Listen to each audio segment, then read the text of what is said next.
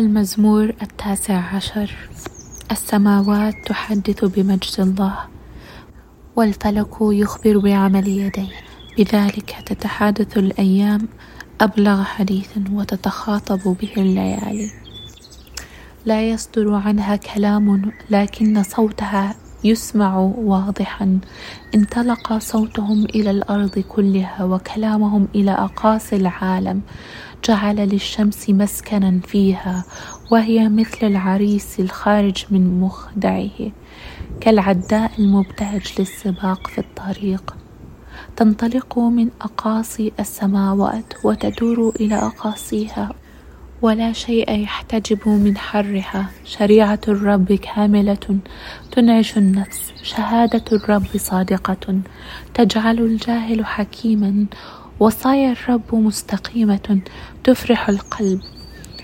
أمر الرب نقي ينير العينين مخافة الرب طاهرة ثابتة إلى الأبد وأحكام الرب حق وعادلة كلها. إنها أشهى من الذهب النقي وهي أحلى من العسل بل القطر السائل من أقراص الشهد. عبدك يهتدي بها وفي صونها ثواب.